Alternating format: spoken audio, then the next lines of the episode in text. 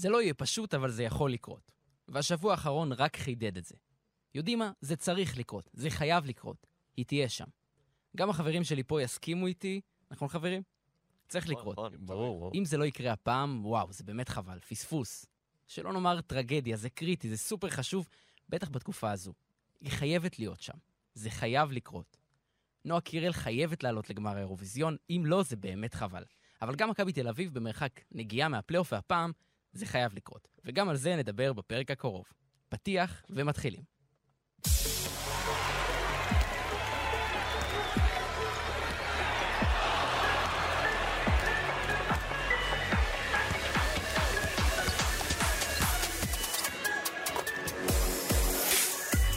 פודקאסט יורוסטפ, ברוכים הבאים לעוד פרק של הפרנצ'ייז הנפלא הזה של אה, פודקאסט היורוליג של ערוץ הספורט. עמית ניר. שלום. שלום, שרבי, הוא הרג אותנו עוד פעם. אין על הפרנצ'ייז. שר שוהם.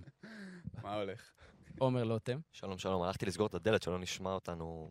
לא צריך. לא, אנשים לא שמעו, לא שמו לב. אז, אז למה אתה בסדר. מגלה? למה אתה מגלה? למה?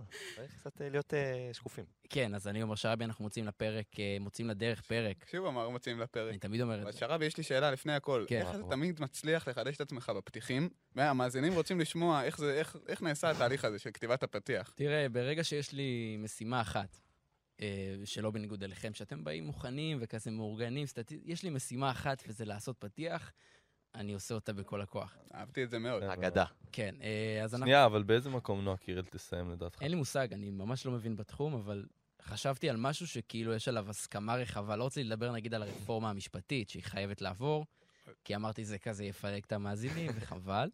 אז חיפשתי משהו שיש הסכמה רחבה, אבל אם אתם אוהבים אה, גם אירוויזיון, אז תכתבו לנו אה, בתגובות. סבבה. אז אנחנו מוצאים לדרך פרק מיוחד, ובו אנחנו מסכמים את השבוע האחרון בליגת הכדורסל הטובה באירופה, ואולי אפילו בעולם, אם תשאלו את סער שוהם, ואנחנו נצא עם מצטיינים של כל אחד מאיתנו, ואנחנו נתחיל עם עמית. יאללה, אז אני אתחיל עם אה, נציג של מכבי תל אביב, עם וייד בולדווין. אז הייתי צריך לשמור אותך לסוף. לא נורא, אחרי לא זה. נחזור למכבי. אחרי שבשבוע שעבר הוא היה האופציה השנייה שלי, אחרי שבוע טורקי ממש טוב שלו, ולא לקחתי אותו, אז אחרי ההופעה שלו השבוע מול בסקוניה אמרתי שיאללה, הגיע הזמן, 24 נקודות, 8 אסיסטים, 7 ריבאונדים, מדד 31, פלוס 18 בפלוס מינוס שהוא על המגרש. אה, שבוע שעבר אמרתי שהוא מאוד קרוב ללורנזו מבחינת אה, ככה מי המספר אחד במכבי, ולדעתי הוא, שוב, בשבועות האחרונים הוא מוכיח שהוא לגמרי שם, ממש מספר אחד? לגמרי לידו. אוקיי. ליד לורנזו, מתחלקים בעול. אה, הוא קולע, מוסר, ובניגוד למה שהתרגלנו לראות ממנו העונה, בתקופה האחרונה הוא גם עושה את השחקנים שלידו ליותר טובים, שזה משהו שלא קרה בתחילת העונה. הוא גם שומר, הוא עושה הגנה, ואני חושב שמכבי צריכה להחתים אותו כמה שיותר מהר על אה, חוזה ארוך טווח. כן, היו צריכים לעשות את הפוסט הזה של הסימני וי, לנצח, לקבוע לו"ז אימונים פעם. קודמת זה לא עבד פעם קודמת הכי זה לא טוב. עבד. אה, השר, מי המצטיין שלך? אמ, אני עם אלי אוקובו, שעכשיו אה, עוד נגיע לסיפור של מייק ג'יימס, נצלול לזה בהמשך. אבל עכשיו אה, הבמה שלו ושל ג'ורדן לויד כמו שלא הייתה אף פעם העונה. אה, והוא לוקח את זה בשתי ידיים, כי בניצחון נגד, אה, נגד וירטוס בולוניה, שם 21 נקודות, חמישה ריבאונדים, חמישה אסיסטים, ובעיקר מרגיש ש, שהוא כבר התייצב במונקו. אה, וזה כיף להיזכר שהוא עד לפני שנה וחצי לא היה באירופה בכלל, אז, אה, ועכשיו כן. הוא כזה שחקן שמובן לנו מאליו שבין הגארדים הטובים. אה, אז כיף, כיף שהוא איתנו, ו- ויהיה מעניין לראות מה קורה עם מייק ג'יימס, מה קורה עם אוקובו ומה קורה עם? לויד. אני גם רציתי לבחור את אליו קובו, אבל סער הקדים אותי, אז אה, פעם שנייה שאתה חושף את מאחורי הקלעים של ה-? של הפרק, אני ואנחנו ארבע דקות. להיות- אני בעד להיות שקוף. מול המאזינים. אין על שקיפות. אה, אז אה, לא רוצה להגיד נאלצתי להתפשר, כי בסוף הוא נתן הצגה, אבל בויאן דובליאביץ', אה, הסנטר הנהדר של ולנסיה, נתן באמת משחק. נתן משחק גדול נגד פנרבכצ'ה בניצחון, יש לציין, עם 18 נקודות, 3 מ-4 ל-2, 4 מ-4 ל-3 ו-21 נקודות מדד. אה, הוא לא איזה שם גדול, וכנראה שגם ולנסיה לא תעשה פלייאוף, אבל צריך לדבר עליו, כי הוא נותן עונה טובה מאוד, ולפעמים הוא פצוע, לפעמים הוא בריא, אבל כשהוא בריא הוא טוב. ויש שני נתונים מעניינים עליו, הוא ראשון בסנטרים באחוזים לשלוש העונה עם 45 אחוז, שזה מרשים לסנטר, וראשון בסנטרים מאחוזי קו העונשין, עם 89 אחוז עונתי, שזה גם לגארד, זה אפילו נתונים מרשימים. אגב, שאלה, אתם יודעים מי מקום ראשון בקו עונשין, באחוזים העונשין בליגה העונה? לסנטרים, לא, בכללי. בכללי. לא, הוא לסנטרים, דובלייביץ'. כאילו ההימור הבטוח זה דקולו, אבל אם. אתה לא. שואל, אז כנראה שלא. ג'ון די ברטולומיאו עם 97 אחוז, 32 מ-33 מהעונשין. וואלה. זהו. יפה. ובויאן דובלייביץ' המצטיין שלי. אחלה דובלייביץ'. יאן וסלי, חזר, חברים וחברות, אה, אחרי כמה משחקים בינוניים, אחרי עונה שלא כל כך עמדה בציפיות. היה כיף מאוד לראות אותו בניצחון על הכוכב האדום, הוא לקח על עצמו את המשחק עם כמה זריקות טובות, כמו בימים בפנרבכצ'ה, 21 נקודות, שזה שיא עונתי, וגם הפעם הראשונה שבה הוא קולע יותר מ-20 נקודות העונה. תוסיפו לזה שישה ריבאונדים ושתי חטיפות, ותקבלו שחקן שבאמת אני באופן אישי התגעגעתי אליו. אז כל פעם שאנחנו מדברים על שחקן בברצלונה, בדומה למירוטיץ' וסטורנסקי, אנחנו מוסיפים את ההערה על זה שהקבוצה הזאת בעייתית והיא קצת לא יציבה, אבל אם הדבר הזה יתחבר יחד עם וסלי בין ה-32, זה יכול להיות מאוד מאוד מסוכן, אולי אפילו יותר מריאל מדריד בהמשך אה, בפלייאוף, ואנחנו נדבר על זה גם בהמשך, אבל אנחנו נפתח עם מכבי תל אביב שניצחה בשבוע האחרון את בסקוניה בבית, ניצחון שאנחנו סימנו אותו בהתחלה, משחק שלפני כמה מחזורים סימנו אותו בתור מפגש שעלול להכריע את גורל העונה של מכבי תל אביב, ועכשיו הכיוון נראה מאוד חיובי. בהחלט. אז אני חושב שהיה פה, היה פה המשך ישיר למומנטום שראינו מהמשחק בעצם בטורקיה מול הנדולו. זה היה אחד המשחקים גם משוגעים ביותר שראינו עונה בהיכל, ראינו את מכבי מובילה דו-ספרתית, את uh, בסקוניה מובילה דו-ספרתית, מכבי מובילה שוב דו-ספרתי. היה שם באמת משחק נהדר, ומכבי פשוט המשיכה ביכולת התקפית המעולה שהיה לה מול הנדולו, רק שהפעם היא פחות הסתמכה, מה זה הסתמכה? השלשות לא נכנסו לה בטירוף כמו שהם נכנסו מול הנדולו, אז היא עשתה את מה שהיא הייתה צריכה לעשות, וזה לנצל את החולשה של בסקוניה ההגנתית, אם זה בצבע בפתיחה, כי קוצר הוא שחקן כבד יחסית והוא לא שומר טוב בצבע, אין מה לעשות. ואז גם כשמרקוס אאוורד עלה למגרש ושאיידיגר עלה למגרש, הם הצליחו לנצל את כל הנקודות החלשות של בסקוניה, אה, ופשוט ראינו פה משחק, שילוב של הגנה טובה, התקפה, התקפה שוטפת, שוב, לא משהו, לא ראינו משהו אחד, לא ראינו, הם לא, אה, הם לא הלכו רק על השלושות או רק פנימה, הם עשו הכל מהכל. וגם בסופו של דבר, כמו שתמיד אנחנו רואים בהיכל, הטירוף הזה שעולה מהספסל עם ג'ון די, וכשכל הקו האחורי נראה טוב, אז מכבי תמיד תהיה טובה. כן, נראה לי, זה פשוט, זה יפה לראות שמכבי תל אביב מתחברת בדיוק ברגעים הנכונים, כי אנחנו מכירים קבוצות, אה, איך זה נראה לאורך עונה, אה, והרבה פעמים מגיעים לשיא מוקדם מדי, או שלא מגיעים בכלל. מכבי תל אביב נראה שהיא התחברה ברגע נכון לה, כי בדיוק בישורת האחרונה לקראת הפלייאוף, והיא כבר במקום השישי, ויש לה לוח משחקים טוב, והיא נראית אה, טוב מאוד, והשילוב, נראה לי הדבר הכי גדול שאפשר להגיד ממכבי תל אביב בתקופה האחרונה, זה פשוט לורנזו ובולדווין, אנחנו חוזרים על זה, אבל זה באמת נכון, כי הם מצליחים, הם מראים שהם לא רק יודעים לסחוב קבוצה, אלא גם לחלוק בנטל הזה של לסחוב קבוצה, שזה דבר שלכל כוכב שהוא לא פשוט, במיוחד בשביל שני כוכבים שלא התרגלו לעשות את זה בצמד. כן. עומר, מה אתה לוקח מהמשחק? אה, כל הדברים שנאמרו נכונים. אה, באמת, מכבי פשוט באו עם תוכנית משחק של ללכת על החולשות של בסקוניה, ועמית אמר את זה נכון, אם זה קוצר שהוא טיפה יותר כבד, ואם זה האווארד שהוא לא שומר גדול, והלכו עליו, עליהם פעם אחר פעם, אה, וגם בהגנה. הם באו עם תוכנית משחק של לשמור עם שחקנים גבוהים וארוכים על תומפסון. לא הצליחו לעצור אותו לגמרי, אבל שקולסון ושמרטין שמרו עליו והרגשת שהוא מתאמץ יותר, והמס... אה, ששומרים אותך שחקנים גבוהים וארוכים, המסירות שלך קצת יותר קשות. וזה כאילו לא פעם ראשונה שקטש עושה את זה העונה, ואיכשהו במשחק הזה זה הרגיש מאוד מתאים. זה נכון. הרגיש שזה בדיוק מה שצריך, אני חושב שזה גם קשור למה שיש לבסקוניה בצבע. שהכלים שם אמנם, אה, אה, יש להם כלים מתקפים בצבע, אבל עדיין די מוגבלים. נכון, נכון. אה, ואני חושב שבאמת זה היה אחלה רעיון של קטש, ובאמת ראו תוכנית משחק בשני צידי המגרש, מוכנה מראש ו- ויוצאת לפועל, ומדברים הרבה על ההתקפה, אבל אני חושב שצריך לשים באמת דגש על ההגנה. אמרנו גם בפרקים הקודמים שפנר קבוצת כליאה מעולה, כלה 20 אחוז, הנדולו קבוצת כליאה מעולה, קולעת 39 אחוז בדרך כלל, כלה 14 אחוז נגד מכבי. ובסקוניה, קבוצת הכלייה לשלוש הכי טובה במפעל, כלה 15 אחוז. זה לא יש מאין. מכבי הגיעה מוכנה לדברים האלה, וידעה מאיפה להקריב. שאתה שאתה שומר את השחקנים הטובים של הקבוצה, ואתה אגרסיבי בטיפולים ב pick and roll, אתה צריך להקריב במקומות מסוימים. אז ראינו לפעמים חיתוכים אה, קלים של בסקוניה לסלים קלים, וזה בסדר, זה, אי אפשר לאכול את כל העוגה ולהשאיר אותה שלמה, אתה צריך לדעת מאיפה להקריב, ומכבי ידעו לעשות את הניהול סיכונים הזה נכון, זה באמת נראה מעולה. כן, מה אתם אומרים על הצמד BB, כמו שהאוזמן קורא להם? אה, בולדווין בסוף המשחק נתן הצהרה. אה, לנועה פל- פופלינגר, ואמר שזה הדואו הכי טוב באירופה. אתם מסכימים? אני חייב להגיד שבטור שלי לפני המשחק, טענתי שזה זה הצמד דיברת, הלוהט כן. באירופה. זה היה הנרטיב של ה- של הכתבה. אה, זה לא נכס, זה זה לא מדהים, מדהים. שזה מרשים. ובאמת, בוא, אני... זה לא תלוש מהמציאות להגיד את זה שהם הם הצמד בכושר הכי טוב באירופה. אני חושב שמעבר למספרים, מה שקורה למכבי תל אביב בתקופה הזאת, ששניהם חזרו להיות כשירים ונראים ככה, זה פשוט, זה מדבר בעד, בעד עצמו. אבל אם בכל זאת, להיכנס למספרים טיפה, אני אקריא לכם את הסטטיסטיקה של בולדווין בעשרה משחקים האחרונים, זה חריג מאוד. 21.3 נקודות, 5.3 אסיסטים, 4 ריבאונדים, 5.4 סחיטת עבירות למשחק, עם 38.5% ל-3. אז באמת כשזה נראה ככה, מאוד קשה לעצור אותם. וסער דיבר על זה שמכבי מגיעה למאני טיים בשיא שלה בעצם, ואני חושב שבאמת, אם הצמד הזה מגיע בשיא של השיא שלו למ- למאני טיים, אנחנו רואים פתאום סינרגיה מושלמת בין השניים האלו, הם נראים... הם נראים כאילו הם משחקים כבר מלא זמן ביחד, ולא כאילו רוב השנה הזאת הם בכלל, אחד מהם היה פצוע והשני שיחק. ואם נלך לצלע השלישית ככה של הגארדים בתקופה הזאת, שזה ג'ון די שאי אפשר פשוט שלא להזכיר אותו בכל מדהים. משחק. זה שזה מדהים. מדהים, כי יש לך בקבוצה הזאת את ג'יילן אדמס ויש לך את זה לא. זה לא יאמן, באמת, זה לא יאמן מה שהוא עושה, ושוב, כמו שאנחנו כל פעם אומרים, זה שחקן שכל מאמן, כל אוהד, היה רוצה שיהיה אצלו בקבוצה, ואנחנו מדברים ו- על מדד... ו- ואתה יודע מה, ואתה יודע מה, וכל יריב אוהב לא אותו.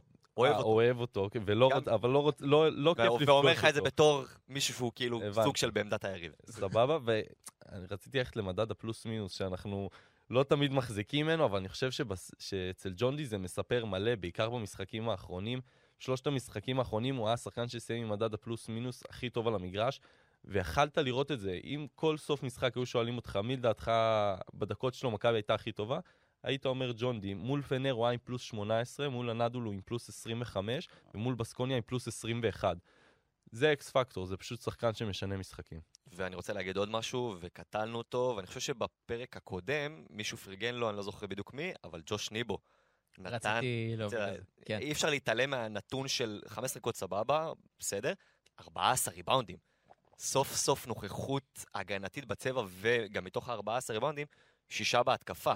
אני הכנתי את ה... הייתי על הפריגים לפני המשחק אה, בתור התפקיד שלי פה בערוץ, והיה משהו ספציפי על ריבון התקפה של ניבו, ואתה באמת רואה שהדבר הזה, הנתון הזה במגמת עלייה אצלו, וכנראה זה איזושהי הוראה של קטש, כי באמת, כשניבו תוקף את הטבעת, שה, שהכדורים לא נכנסים או שההתקפות לא, לא הולכות, אז כשיש לך נשק כזה בריבון התקפה, זה פשוט אקסטרה נקודות במשחק, ו- ושישה ריבון התקפה זה לא, לא מעט משחקן יחיד, וכמובן השמונה ריבון בהגנה. הם חייבים וצמאים לנוכחות של ג'וש ניבו בצבע, ולנוכחות שבכללי של ביג איי גדול, כי בסופו של דבר, בולדווין ובראון זה נחמד, זה, זה מעולה. אתה צריך שהצבע שלך בסופו של דבר במשחקים המכריעים יהיה אטום. אתה צריך קו קדמי. נכון. לגמרי, אני מסכים עם זה. בוא נדבר תכלס, מה מכבי תל אביב צריכה לעשות בשביל להיות בפלייאוף. בגדול, אם היא תנצח שלושה משחקים מתוך החמישה שנותרו, סביר להניח שהיא תהיה בפלייאוף. שוב, אתה לא יכול שלושה לדעת די, אה, באמת. שלושה זה די מבטיח להם. 19, 19 ניצחונות, זה, זה כן, כבר- דיברנו על 18 שזה יכול להבטיח אני- אפילו. אבל זה- עדיין, שוב, אתה רואה את היריבות, ואם, שוב, אנחנו מדברים במ- במקרה הקיצוני, אם אה, כל היריבות הישירות שלהם מנצחות את כל המשחקים שלהם, אבל אה, כן, שלושה ש- משחקים אני זה... חושב שצריך גם להגיד מה אני חושב המשחקים. ששניים יספיקו גם. אבל לה- כן, שלושה מבטיח לך. צריך להגיד מה המשחקים, בחמישי הקרוב וילרבן בחוץ, שזה משחק לגמרי שמכבי יכולים לקחת, אה, ויש עוד ארבעה משחקים, בולונו בבית ומילאנו בבית, יכולים לקחת לגמרי. ג'לגיריס כן. בחוץ, אומנם משחק לא קל, אבל גם יכולים לקחת, ורק ריאל בבית זה כאילו כביכול המשחק שאתה לא מגיע פיבוריט. כן, לא, מכבי צריכה להיות בפלייאוף אם נתקשר לפתיח של שראבי עם אה, נועה קירל. חייבת להיות. נראה לי גם שהשאלה הבאה מיקום. הכי הגיונית היא, כן, את מי, את- את מי אתה רוצה בפלייאוף. אני לא רוצה להקדים את המאוחר, אבל זה כבר דבר אפשר, שמתחילים לחשוב עליו. זהו, על זה. אני שמעתי קולות של אה, אפשר אה, מקום חמישי, כאלה. מכירים את הקולות האלה? מכיר את הקולות האלה. קשה לי לראות את זה אני קורה. חושב שמכבי תל אביב צריכה לעשות הכל בשביל להימנע מאולימפיאקוס. את זה אנחנו יודעים, וזה כנראה. יקרה. כן, לא, וזה צריך. לקרות. זה צריך לקרות. ואחר כך זה כבר שאלה של מיקומים גם של מה שקורה למעלה, אבל... כן, זה לא רק תלוי בהם. בדיוק, זה. לא רק תלוי בהם, אבל בוא ניתן לנקודת הנחה. אני מאמין שאת ריאל מדריד פחות יעדיפו לפגוש, הגיוני, כן. ואני חושב שברצלונה או מונקו הם קבוצות שקצת, אתה יכול להיות קצת יותר מעודד, אה, למרות שאתה תבוא אנדרדוג. כן, נראה לי אתה רוצה לפגוש את מונקו, בכנות. זאת הקבוצה עם ה... כאילו... שום דבר, מונקו קבוצה מצוינת, יותר טובה ממכבי תל אביב, אבל אה, אין להם בית באמת, כאילו היתרון ביתיות שם הוא זני, די זניח באופן יחסי לשלוש האחרות. נכון, למרות שראינו אותם שנה שעברה, עשו חיים לא קלים לאולימפיאדה. חד משמעית, אבל... וגם אה, הבלגן עם מייק ג'יימס לא מוסיף, נכון. נראה לי מונקו זאת אה, יריבה שאתה מעדיף, פשוט כאילו בהשוואה לשלוש האחרות. אבל אה, כן, לך תדע מה יהיה שם, כי אתה יכול לסיים פתאום שישי, ופתאום מונקו נופלים לך ב... יכולים גם לסיים שני. אבל. עצם, עצם זה שאנחנו מדברים על מיקומים, זה אומר שהמצב של מכבי טוב. המצב של מכבי טוב מאוד. כן, תגידו, יש מצב שבשנה הבאה תהיה עוד קבוצה ישראלית ביורוליג? בשנה הבאה לא, אבל אולי ב... תשמע, צריך לדבר, קודם כל, שנה הבאה, אם הפועל תל אביב תזכה, אז דווקא כן אה, יהיו. וואלה, נכון, לא נגיד... אבל לא נראה לי. דיברת על הפועל תל אביב. כן, לא. אני דיברתי על- על הפועל ירושלים שהשלימה ביום חמישי עסקת רכישה מאוד מאוד מרשימה, אה, שאמורה למלא אותה בהרבה מאוד כסף. צריך לשים את הדברים על השולחן, כי משפחת אדלסון, המתן ו- ומרים, אמא שלו, מוערכים ב-34 מיליארד. עכשיו, לשם השוואה, סתם בדקתי כזה, NBA. כמה עולה הפרנצ'ייז הכי יקר ב-NBA, אז זה גולדן סטייט, שעולה 7 מיליארד, שווה 7 מיליארד. אז עקרונית, אני לא יודע בדיוק איך, איך הפיננסים עובדים, אבל נשמע שהפועל ירושלים זה מועדון בסדר גודל מאוד קטן ביחס לכלכלה ש- שיש שם מס- מס- מסביב לאדלסונים, שזה באמת אחת המשפחות העשירות, וזה צעד דרמטי. בקיצור, מה שאתה אומר כאן, זה צעד דרמטי, כי הפועל ירושלים, אם הם רוצים, באמת יכולים להחזיק את אחד התקציבים הכי, הכי גדולים מה באירופה. שאתה אומר כאן, פיד כיפות, תתחילו לארוז, אתם נוסעים לחוף המזרחי. אז זה קצת יותר מורכב מזה, כי היורוליג אה, עדיין זה עניינים אה, פוליטיים. פוליטיים וחוזיים. כרגע יש 13 קבוצות עם אה, רישיון A, עוד שתיים, לפי, אני עכשיו מסתמך פה על דברים של יורו-אופס, שאומרים, טוענים שמונקו ווירטוס הם הבאות לרישיון A. יש עוד שתי קבוצות שרוצים לשמור עליהן מהיורו-קאפ בעיקרון, ורוצים לשמור גם על הקבוצה מהאדריאטית. מגיעים ל-18 קבוצות, אבל לליגה יש אה, מטרה להתרחב בשנים הקרובות, וזה לא מה שמדברים על זה כל הזמן, מאז שהיה שם את השינוי הנהלה. אה, וצריך לראות לאן זה מגיע. כי הם מתרכזים כרגע, רוצים פריז, רוצים לונדון, רוצים דובאי, צריך לראות איפה זה פוגש את ירושלים, אם הם... או שהם הולכים ליורו-קאפ ומנסים להשיג את זה ספורטיבית. וצריך לה, להזכיר שכבר לירושלים היה בעלים עם שאיפות שאמר שיהיה יורוליג וקוראים לו אורי אלון, והוא גם אה, עם בסיס כלכלי רחב מאוד, יצא פה עם הצהרות, ובסוף ראינו שירושלים נתקלת בקשיים החוזיים האלה. אבל זה סדר גודל אחר, אני חושב. לא, בסדר, אבל זה עדיין, זה עדיין אה, זה משהו בסיס שעוד כלכלי. לא, עוד כן, לא היה בספורט זה נכון, אבל. אבל עדיין אורי אלון בא גם עם בסיס כלכלי מאוד רחב וגדול. אבל אז היורוליג, התפיסה, התפיסה של היורוליג הייתה אחרת לגמרי, כי בשנים האחרונות נהיה לחץ מאוד גדול על ההנהלה למקסם רווחים, ושה, נכון. שהקבוצות ירוויחו יותר, והבינו שצריך להגדיל את הליגה, וזה מה שכבר אומרים במוצהר, ב-2025 או 2026 הליגה כבר תהיה יותר גדולה. אז השאלה פשוט אה, אם ירושלים יהיו שם בזמן כדי לתפוס את הרכבת הזאת. נכון, ואם מדברים באמת נקודתית, דיברנו על תקציבים, אז אם באמת ירושלים יהיו בסדר גודל הזה, אז אה, עוד חזון למועד ויכולים לקרות דברים גדולים. טוב, בואו נרוץ אה, על מה שקראנו במחזור האחרון בליגת הכדורסל הטובה באירופה, ואנחנו נתחיל עם הנדולו אפס נגד פרטיזן בלגרד, המשחק שפתח את המחזור, ותראו, שריקות בוז לנדולו אפס בבית באיסטנבול הם לא דבר של מה בכך. אז דווקא אחרי הניצחון המרשים נגד ריאל, הפסד בית לפרטיזן הנפלאה, וזה מתחיל להיראות לא. טוב. זה צרות, מה אתה כן, אומר, כן. עומר, צריך להכריז? לא מה? נכריז עדיין. אני הייתי ככה קרוב להכין את ה... לא, לא נכריז שהם לא... לא. תשמע, קשה לי לראות אותם קמים. קשה לי לראות אותם קמים. אני, משהו בקבוצה הזאת כל כך... לא יודע להגיד את זה אפילו, אבל רואים את הבלגן מבחוץ, וקשה לי לראות את זה משתנה.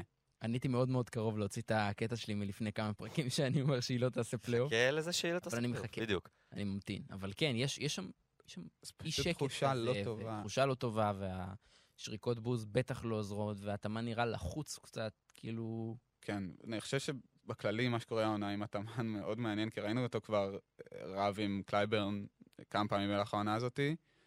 עכשיו גם לארקין אה, נגדו בטוויטר, טען שהוא ישחק רק 22 דקות ואין לו מושג למה זה קורה, אה, שזה אה, מפוצץ לו את המוח. אז נראה שיש שם איזו בעיה בין הכוכבים למאמן. אני לא מצליח למצוא שום הסבר אחר, כי החומר שם הוא חומר של יותר מפיינל פור, נגיד את זה כן. ככה. טוב, מה, ש... מה שהיה שם זה פשוט קריסה טוטאלית. אה, אנדולו פתחו טוב את המשחק, ואיך שהמשחק התקדם, פשוט פרטיזן הראו שהם לא, לא קורסים, ובאמת פרטיזן, אמנם אנדולו זה הסיפור פה, ואמרנו הכל על זה שכנראה היא לא נראית כמו קבוצה שעשויה לעשות פלייאוף, אבל באמת מה שפרטיזן עשו במשחק הזה זה, זה מדהים. זה גם ראינו את מכבי עושים דברים כאלה, וזה פשוט התפוצצות של, של כמה, כמה רגעים במשחק, ולסור, שהוא באמת מדהים בצבע, וקווין פנתר, שבמחזורים האחרונים אנחנו רואים אותו מתחיל להניע וזה נראה מעולה, ואויב העם. ואוהב העם, שגם נתן שם כמה שלשות מכדרור, ש... משחק גדול שלו. נכון. אין מה, להג... אין מה לעשות. אלכסה אברמוביץ'. כמובן. אברמוביץ' כמובן. אויב העם. הוא- שחקן נהדר. אויבים, אתה אומר. אה, וזקלידי כמובן, שגם אותו אנחנו פחות מזכירים, אבל הוא בשקט שלו נותן את הדברים הקטנים, הוא סוג של אה, קלאנס אה, לעניים, אני אפילו אגדיר אותו.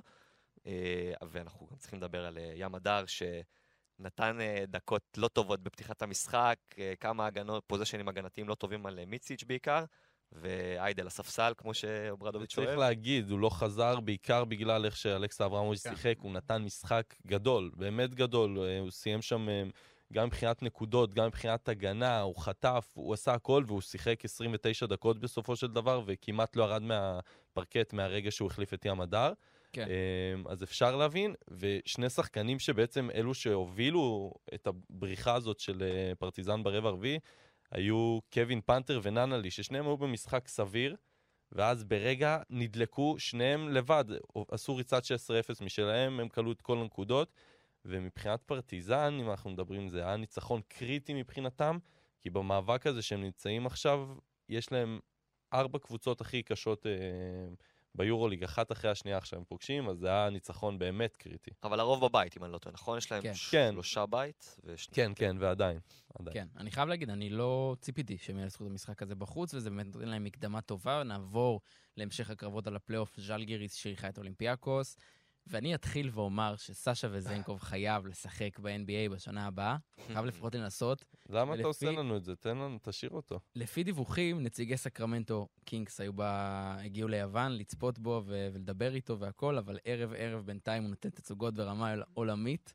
ונגד ז'לגיריס זה היה באמת, באמת אה, אחת התצוגות היותר טובות שלו, 25 נקודות, 8 ריבאונדים, 2 אסיסטים ושתי חטיפות, וגולת הכותרת, תיקו תיקו שוויון, 72-72, עם הגב לסל, fade away, על הקובי. בריינט. או שאתה... או קובי בריינט. אני הלכתי... למה בחרתי את קובי בריינט? למה? כי הוא מעניין. הדמות המרכזית שגרמה לי להתאהב בכדורסל באמצע וואי. המילניום הראשון. העשור הראשון של המילניום. הוא היה היריב שלי. וסשה וזנקוב גורם לי להתאהב ביורוליג. אהבתי מאוד. ועכשיו בוא נלך... אני בטוח ששומעים את החיוך שלך גם ב- בהקלטה, אגב. כן. ו- אז- אבל אל תתרגל, כי הוא ילך וגם. כתבתי לעצמי, סשה בדרך הבטוחה והבלעדית לבחירה הקלה ביותר שתעמוד בפני קברניטי היורוליג. יותר קל מלקבל מעטפת אה, דולרים מדובאי, מתחת לשולחן ולהכניס אה, קבוצה מאיחוד. האמירויות. וזה מאוד מאוד קל לקבל את זה, אז באמת MVP, ועכשיו נדבר הכי על קל המשחק. ש... הכי קל שיש. כן, לא היה כזה. אבל ז'לגיריס כמעט, אה, כמעט. לא, ז'לגיריס זה לא יאמן איך הם כל פעם מפתיעים אותנו, ובעיקר במשחקים הביתיים, והם מצליחים, בעיקר בפן ההגנתי. הם uh, מקשים על כל יריבה שעומדת מולם, ולא משנה אם זה אולימפיאקוס, בסקוניה, פנרבחצ'ה, כל הקבוצות ההתקפיות הכי טובות במפעל. ו... שוב, והיא גם נכנסה השחק- האחרון כן. בפיגור דו-ספרתי, והצליחה לחזור מזה לגמרי, ושוב, אין שם אף שחקן שאתה יכול להגיד, וואו, איזה כוכב, איזה זה, והם פשוט עושים את זה בזכות משחק קבוצתי טוב, בזכות אה, אימון טוב ובזכות הקהל ובזכות האנרגיות. אה, אבל בסופו של דבר אולימפיאקוס זה אולימפיאקוס וניצחון עשירי ב-11 משחקים אחרונים. ועוד שחקן שצריך לציין, חוץ מכמובן וזנקוב, שנגמרו המילים, זה שק. שקיל מקיסיק, שהוא הוא כל משחק, הוא במשחקים האחרונים, ברצף הזה שאמרתי עכשיו, 11 משחקים, הוא קולע 12 נקודות בממוצע למשחק, וסלוקאס לא שיחק במשחק הזה, ובכל משחק שסלוקאס לא משחק, אתה רואה אותו מתעלה, ו... ואתה לפעמים לא שם לב בכלל שאין את סלוקאס, שזה סלוקאס, זה זה, fucking סלוקאס. זה היופי באולימפיאקוס, כי זאת באמת קבוצה כל כך מאוזנת, שגם אם מוצאים לך את אחד השחקנים הכי חשובים שלך, יודעים לעשות את ההתאמות ויודעים להתאזן מחדש, אפילו לא מורגש, למרות שפה ספציפית כמעט הפסידו. מי מסר הכי הרבה אסיסטים באולימפיאקוס? אם אתם ככה לא רואים את נשמע, הסטטיסטיקה. הייתי מהמר על ווקאפ, אבל כנראה... יפה, אז ווקאפ אחד משניים, מי השני? בוא נראה. מוסטפא פאל. ממ. אשכרה. שניהם עם שבעה אסיסטים, ואני חושב שזה היופי באולימפיאקוס.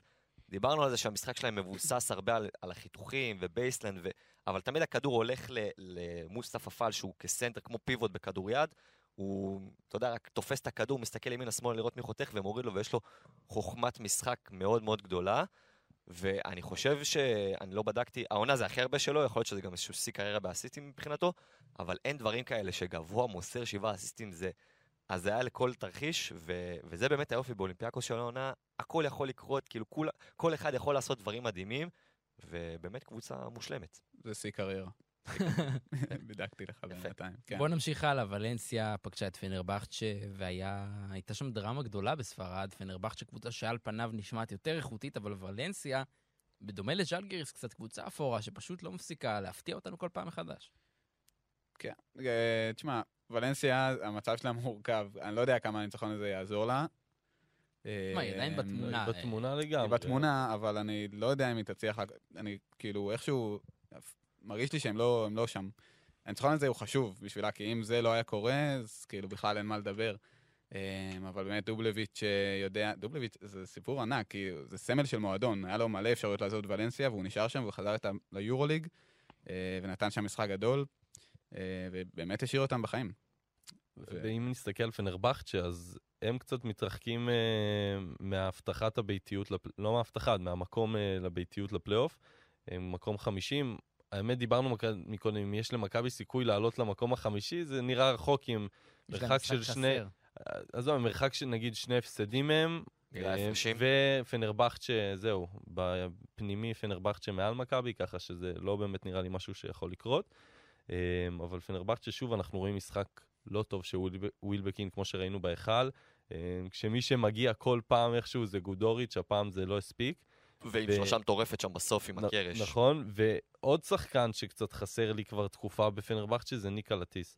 שהוא הוא משום מה, הוא נעלם בתקופה הזאת, וכשהוא לא משחק אז רואים שחסר מישהו שיפעיל קצת את החבר'ה, וזה בא לידי ביטוי באמת עם ווילבקין, שווילבקין השנה צריך גם שיפעילו אותו, זה לא רק ווילבקין של מכבי שעושה הכל לבד. רוצה להגיד משהו בוולנסיה, הקדשה אישית למרטין הרמנסון, שחזר לשחק לראשונה מאז ה-19 במרץ 2021, כלומר שנתיים בדיוק מהיום, מהיום יום ראשון, אה, וכלה שבע נקודות בשש דקות, וזה שחקן מהסימפטיים ביותר במפעל הזה, וטוב שהוא חזר אלינו. איזה כיף. טוב שחזרת, אבל מי בינתיים לא חזר אלינו זה מייק ג'יימס. עכשיו אנחנו נדבר על מונקו, שפגשה את וירטוס בולוניה, וניצחה בלי מייק ג'יימס, המנהיג ה... עד עכשיו חשבנו שהוא אחד המנהיגים, אולי המנהיג הבלעדי של הקבוצה הזו, אבל מה קורה שם בינתיים? שאמרו שמייק ג'יימס אה, קיבל את ההשעיה, רצית להגיד משהו? לא, לא. אז לא. באתי להגיד שאמרו ג'יימס קיבל את ההשעיה מהמועדון, אז היו חלק שאמרו, טוב, זה מכה למונקו, אני אמרתי שיפטרו את אוברדוביץ'. כן, זהו, והיו כאלה שחשבו שאוברדוביץ' אה, לא יסיים את הימים שלו. כן. אה, בקבוצה ובכללי. והיו כאלה שבאמת טענו שאולי זה דווקא יעשה טוב למונקו, וקצת, אתה יודע, יגרום אה, לכולם יותר לגעת בכדור ולשחק כמו קובו ולא לקחת יותר על עצמם ולהראות את היכולות שלהם. ובמשחק הזה באמת ראינו שזה מה שקורה, ואני חושב גם באמת שבאופן כללי, הקו האחורי של מונקו הוא מעולה, הוא טוב, זה לא שעכשיו... בלי, אה, כן. זה לא שעכשיו הלך שחקן ואין מי שיחפה עליו. אז uh, באמת uh, למונקו יש הרבה סיבות להתעודד, גם במשחק הזה ובאופן כללי. אוקובו עם משחק אדיר, דיברנו עליו בהתחלה עם 21 נקודות, וגם ג'ורדן לויד עם 15 נקודות, ודון תיאול, הם מפעילים אותו יפה מאוד. אז uh, באמת, uh, הכל בסדר נראה לי בינתיים. אני רוצה אבל להתרכז בעניין הפרסונלי של מייק ג'יימס, כי אני תוהה, תהיתי לעצמי, כאילו, בואנה, אתה במונקו, אתה... כולם יודעים שאתה הבעלים של הקבוצה הזאת. אז מה כן? אה, איך גם שם אתה מסתבך? כאילו, בסדר, מסינה העיף אותך לפני ששחקת, מדובר ב... אנחנו מכירים את הפרסונה של מסינה. הסתכסכת עם, הסתכסכת עם איטודיס בצסקה, גם עוד זה. מיטרוביץ', כולנו יודעים מה קרה, ועכשיו הגיע מאמן שדווקא הסתדרת איתו, הגעת איתו להצלחות, ונראה שקיבלת לך איזשהו מעמד, איך גם את זה אתה מפוצץ? ואני מנסה להבין מה הולך בראשו של מייק ג'יימס, ולא, אמרנו לרוב לא אמרנו מצליח. מה קרה שם? אני לא זוכר. אז לא אמרנו, הסתמכנו, זה, ניתן בריף. אה, מייק ג'יימס יצא עם דוויין בייקון אה, אחרי המשחק של אה, פנתנייקוס נגד מונקו. יצאו למועדון לילה. בייקון אה, גם אחרי, זה גם הוביל לבעיות שלו בפנתנייקוס, אבל מייק ג'יימס, אה, חלק מהדיווחים טענו שלא הגיע לאימון, חלק טענו שהגיע גמור לאימון, לא מאוד ברור איך ומה היה הסטטוס שלו באימון, אבל לא אהבו את זה שם, אה, וזה הוביל אה, להשעיה. ובאמת, אה, אני תוהה מה הסוף עם מייק ג'יימס, אבל טוב שיש את הסיפור השנתי הזה, כי וואלה, זה מוסיף עניין. גם מי תהיה הקבוצה הבאה, בהנחה והדבר הזה עם מונקו יסתיים. או לפחות בקיץ. לא, אני מה, חושב בגלל זה לא נראה- שם. נראה לי זה, נראה לי זה סיפור של אה, שבוע בחוץ ויחזור, הם גם, הם גם כל כך, הם הולכים להילחם השנה על, כן. על התואר, הם לא יכולים להרשות לעצמם. זה לא עושה לו למרות טוב, שזה אבל- נראה טוב בלעדיו גם. זה לא יעשה טוב ל... אתה יודע, אני לא-. כן, אני לא יודע כמה אכפת לו מהמותג של כן. עצמו באירופה, אבל אני מאמין שהוא...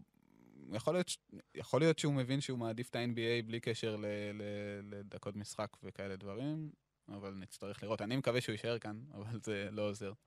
טוב, ברצלונה פגשה את הכוכב האדום בלגרד והצליחה לנצח אותה בבית, למרות שבלגרד נתנה, נתנה fight. אז אה, יאן וסלי, דיברנו עליו בהתחלה, וניקולה מירוטיץ' הובילו את ברצלונה, והיא יכולה להיות מעודדת. מעודדת. מעודדת. מהמשחק. כן, והכוכב הצליחה דווקא להישאר קרובה יחסית. אה, נדוביץ' לא שיחק במשחק הזה, הבעיה, הבעיה הייתה שחוץ מקמפסו אף אחד שם לא ממש הגיע למשחק, וקמפסו היה ענק. זה באמת. רק גורם לחשוב מה היה קורה אם איכשהו לא היה את העונש הזה של ה... לא, או רק לחשוב מה היה עם קמפסו היה בריאל מדריד. אה, כן. איזה- זה מה שצריך כיף לחשוב. זה מה שצריך כן. לחשוב. אמ, אז ביום שבו נדוביץ' לא משחק, אה, ווילדוזה מאבד שישה כדורים מול שבע נקודות ואסיסט אחד, אין לכוכב יותר מדי סיכוי מול ברצלונה. אם אנחנו מסתכלים על ברצלונה, אז כמו שאמרת, וסלי גדול, גם הצ'כי השני הגיע, שזה כמובן סטורנסקי. ומירוטיץ', אנחנו מדברים על זה כבר תקופה, מירוטיץ' התחיל להתייצב, נראה. טוב. נותן את ה-20 שלו כל משחק. אם הוא ימשיך ככה עד הפלייאוף, ברצלונה במצב טוב, אבל שוב, היא תצטרך כל פעם את השחקנים הנוספים האלו שייתנו, במשחק הזה זה עבד, תצטרך לשמר את זה ככה עד סוף העונה. עוד שם שלא מדברים עליו הרבה, אבל רוקאס יוקובייטיס אה, נתן עונה לדעתי פחות טובה, נותן עונה פחות טובה. במשחק הזה 8 נקודות, 8 אסיסטים, ויש בו איזה משהו קצת, אה, אני רוצה להגיד ים הדרי, ש... איך ידעתי שאתה תגיד נכון? את זה? כי יש, כי יש משחקים שהוא נעלם לגמרי, ויש משחקים שאתה רואה את הפוטנציאל יוצא החוצה. וזה כן. בדיוק ים הדר, שיש, שיש את המשחקים האלה ויש את המשחקים האלה. אז באמת רוקאס יוקובייטיס אה, משחק אה, טוב, וברצלונה מנצחים גם בזכותו. לגמרי. יוקובייטיס זה, זה נושא מעניין, כי תחת שרס שם זה לא הולך הכל חלק, וזה באמת מזכיר קצת את ים וז'לקו, במיוחד, אה, במיוחד במקום שלהם ברוטציה. והם בכלל, אה, יוקובייטיס ושרס, הם שניהם ליטאים, אז הוא בכלל נותן לו את כן. כן. כן. הסדרה הזאת מקרוב. חברים, הגיע היום. מילאנו הפסידה. ריאל מדריד ניצחה. כמה אפשר? כמה אפשר, כמה אפשר למשוך את הדבר הזה, למרות שאתה הלכת על מילאנו בנחושים. אז קרוב. האיטלקים היו מאוד מאוד מאוד קרובים גם הפעם, איכשהו להפתיע את ריאל מדריד, אבל בסופו של דבר ריאל מדריד, מוסה. אבל זנן מוסה. זה- וואו, איזה הצגה. איזה כוכב. נבחר לא בח- למצטיין המחזור בסוף. כנראה, כן. אף אחד מאיתנו לא דיבר עליו. נראה לי, לא? כן. בסדר, היורוליג בחרו בו, כן, זה מספיק טוב. היורוליג כן. עם חברים בפוד. אה, לא, באמת מוסה, כל מה שחשבנו שיקרה לקראת העונה הזאת איתו ביורוליג פשוט קורה ומתפוצץ ברמות, הוא מביא, זה כבר לא תצוגה ראשונה, הוא, יש לו פעם בכמה זמן, הוא פשוט משתלט על משחק, ועושה כל מה שהוא רוצה שם, אה, וזה שוב פעם קרה, ובאמת שחקן אדיר, שפשוט כיף גם לראות אותו משחק. לגמרי. אני זוכר שבפרק קודם דיברנו על זה שאין, אני אמרתי את זה, שאין לריאל לדעתי את השחקן הזה שבמאני טיים ייקח את הכדור, יקלט הסל ניצחון במשחק החשוב. אז הנה, האם מוסה זה אחד? אני כבר, לא- כאילו, אני חושב שלא. אני עדיין חושב אני, שלא. לא, אני גם לא בטוח. זה גם. במשחק הספציפי הזה, זה לא שהוא... בסוף הרי היה משחק צמוד שם מול מילאנו, וזה לא שהוא לקח על עצמו במאני טיים.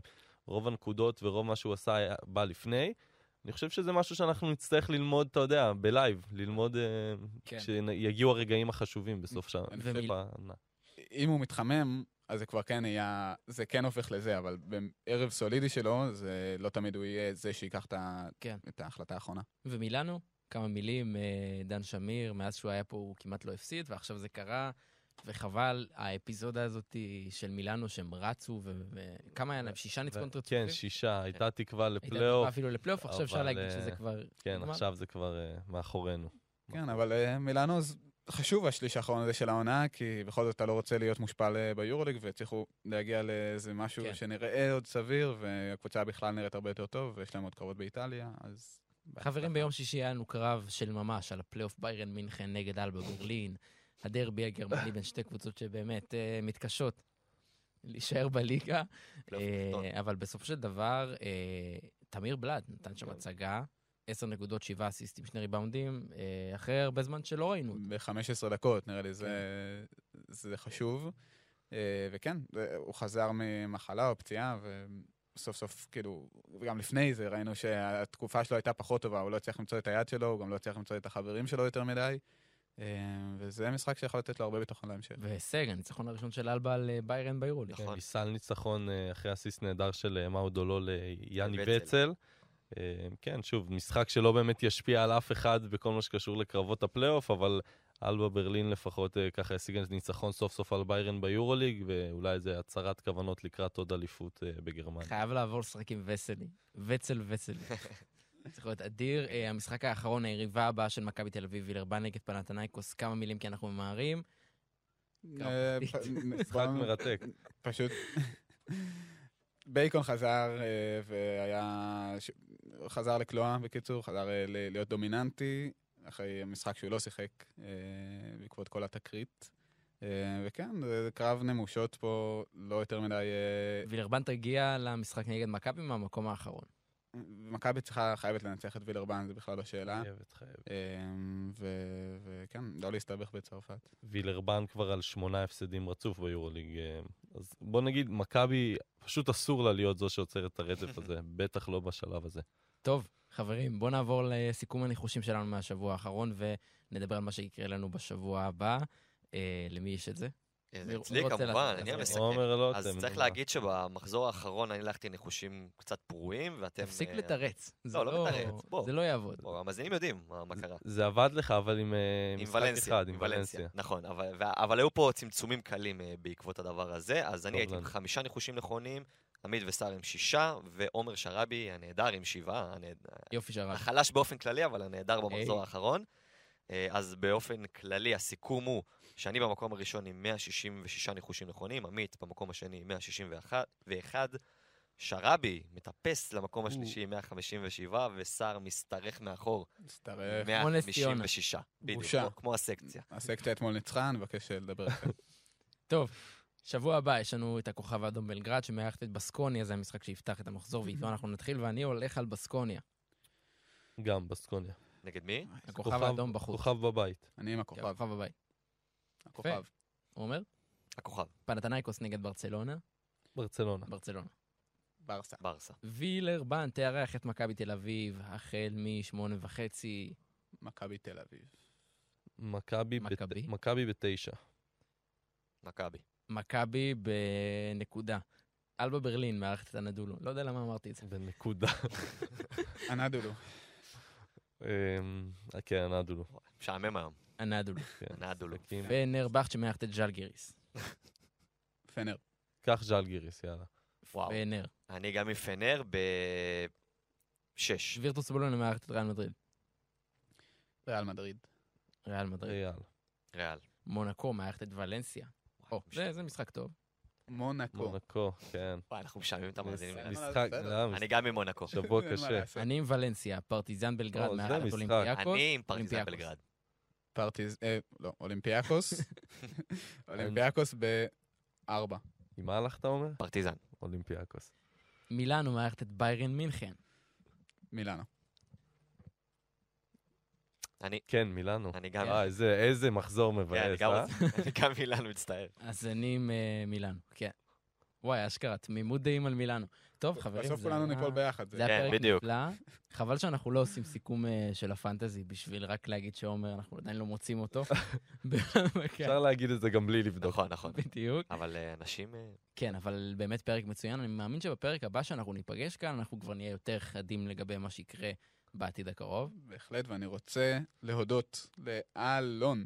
אלון אמסלם, שהיום הפיק אותנו במקום ערד. הפקה, הפקה גדולה. הפק...